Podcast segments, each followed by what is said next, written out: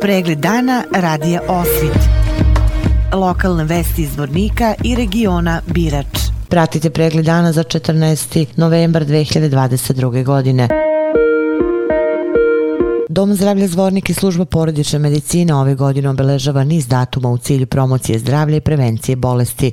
Jedan od tih datuma je Svetski dan dijabetesa koji se obeležava danas 14. novembra. Natalija Stević, načelnica službe porodične medicine Doma zdravlja Zvornik. Kao što smo i najavili, danas služba porodične medicine obilježava Svjetski dan dijabetesa, dakle 14. novembar, to je inače datum rođenja Frederika Bantinga koji je zajedno sa Charlesom Bestom prije 100 godina otkrio hormon inzulina, a otkriće inzulina jedno od najvećih dostignuća svih vremena i iz tog razloga je šećerna bolest od smrtonosne postala kronično oboljenje. Ono po čemu je prepoznatljiv Svjetski dan dijabetesa jeste plava boja i plavi krug. Plavi krug je jedan od simbola obilježavanja ovog datuma i on predstavlja jedinstvo globalne zajednice i odgovor na sve veći broj oboljelih od ove bolesti.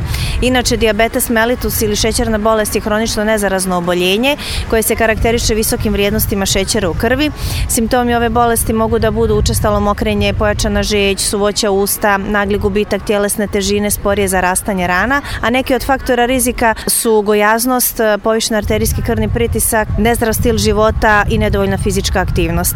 U svijetu diabetes mellitusa bole 537 miliona ljudi. Očekuje se da će taj broj do 2045. biti čak 783. Jedna od dvije osobe sa dijabetesom ostaje nedijagnostifikovana, a jedna od deset trenutno živi sa ovom bolešću. A što se tiče Bosne i Hercegovine, na teritoriji Bosne i Hercegovine boluje negdje oko 305.000 ljudi. Zabrinjavajući podatak je taj što se kod određenog broja pacijenata bolest otkrije 5 do 7 godina nakon oboljevanja, a to je sve posljedica nedovoljne svijesti pojedinca i društva na značaj kontrole nivoa šećera u krvi kao i prevencije diabetes mellitusa i iz tog razloga neophodno je da se bolest što ranije otkrije, stavi pod kontrolu da se ne bi razvile mikro i makrovaskularne komplikacije koje diabetes mellitus vremenom donosi. Iz svih navedenih razloga služba porodične medicine danas obilježava ovaj datum. Kao što vidite besplatno mjerimo nivo šećera u krvi i vrijednost krvnog pritiska sugrađanima, dijelimo promotivni materijal, voće i naravno besplatne aparate kako bi u stvari uticali na rano otkrivanje bolesti i na prevenciju nastanka ove bolesti. Ovde danas imamo i plavi krug u kojima ćemo se slikati sa našim sugrađanima kako bi ukazali na sve veći porast broja oboljelih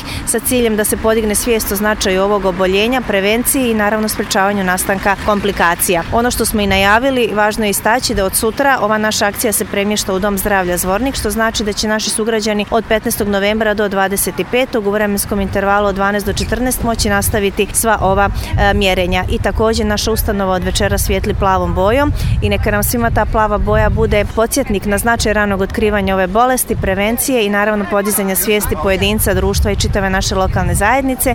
I samo još da napomenem da služba porodične medicine danas obilježava ovaj svjetski dan po sloganom znanjem do zdravlja, jer znanjem možemo da spriječimo nastanak ove bolesti i da zaštitimo budućnost kako nas, tako i naše djece. Na regionalnom putu Tiščaca Parde dogodila se saobraćena nezgoda u kojoj je smrtno stradalo lice ML iz Šekovića koje je upravljalo putičkim motornim vozilom marke BMW.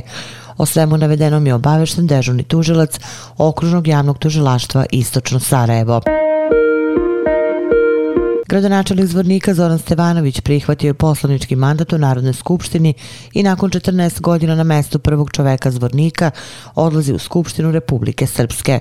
Što je odlazeći gradonačelnik rekao na konferenciji za medije, poslušajte u nastavku. Povod našeg današnjeg okupljanja jeste moje prihvatanje mandata poslanika u Narodnoj skupštini Republike Srpske, što praktično znači da je danas posljednji moj radni dan u, u gradskoj upravi u Zvorniku. Ovo je bila teška odluka, mnogo noći je uzela besanih, mnogo razgovora sa mojim najbližim saradnicima, a onda je zadnjih nekoliko dana ostalo, ostalo na meni da, da ja prelomim. Želio bih se zahvaliti svim onima što su bili sve ove godine sa mnom, što su davali svoj doprinos i mom radu i radu kompletne gradske uprave. Hvala svim onim biračima koji su bili uz mene sve ove godine. Hvala onima što su glasali za nas i na posljednjim izborima parlamentarnim. Hvala i onim što su bili protiv. Evo im sad, evo sad i prilike da, da odahnu. Ja nikud ne, ne idem izvornika.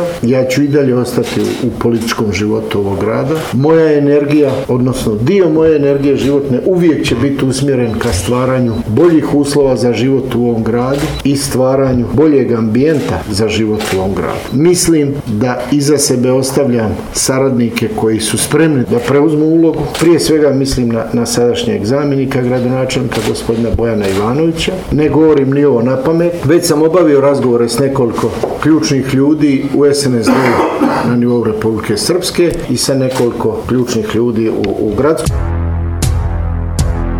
odboru i mislim da će on biti naš kandidat. Naravno, on će obavljati dužnost gradonačelnika do raspisivanja izbora, a i da će on biti naš kandidat i da njegova pobjeda će biti neupitna na izborima koje će biti nekad u januaru ili ili februaru mjesecu. Viđat ćemo se mi još, ali u svojstvu gradonačelnika ne vjerujem da ću vam se, da ću vam se ikad obraćati više. Rok za raspisivanje izbora je 90 dana od danas, odnosno rok održavanja izbora, a oni treba da se raspišu u roku od 30 dana od dana današnjeg.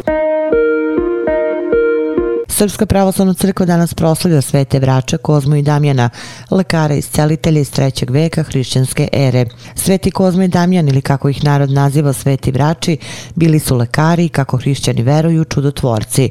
U hrišćanskoj tradiciji se pominje da su imali veliku blagodat od Boga da leče ljudi i životinje od svake bolesti.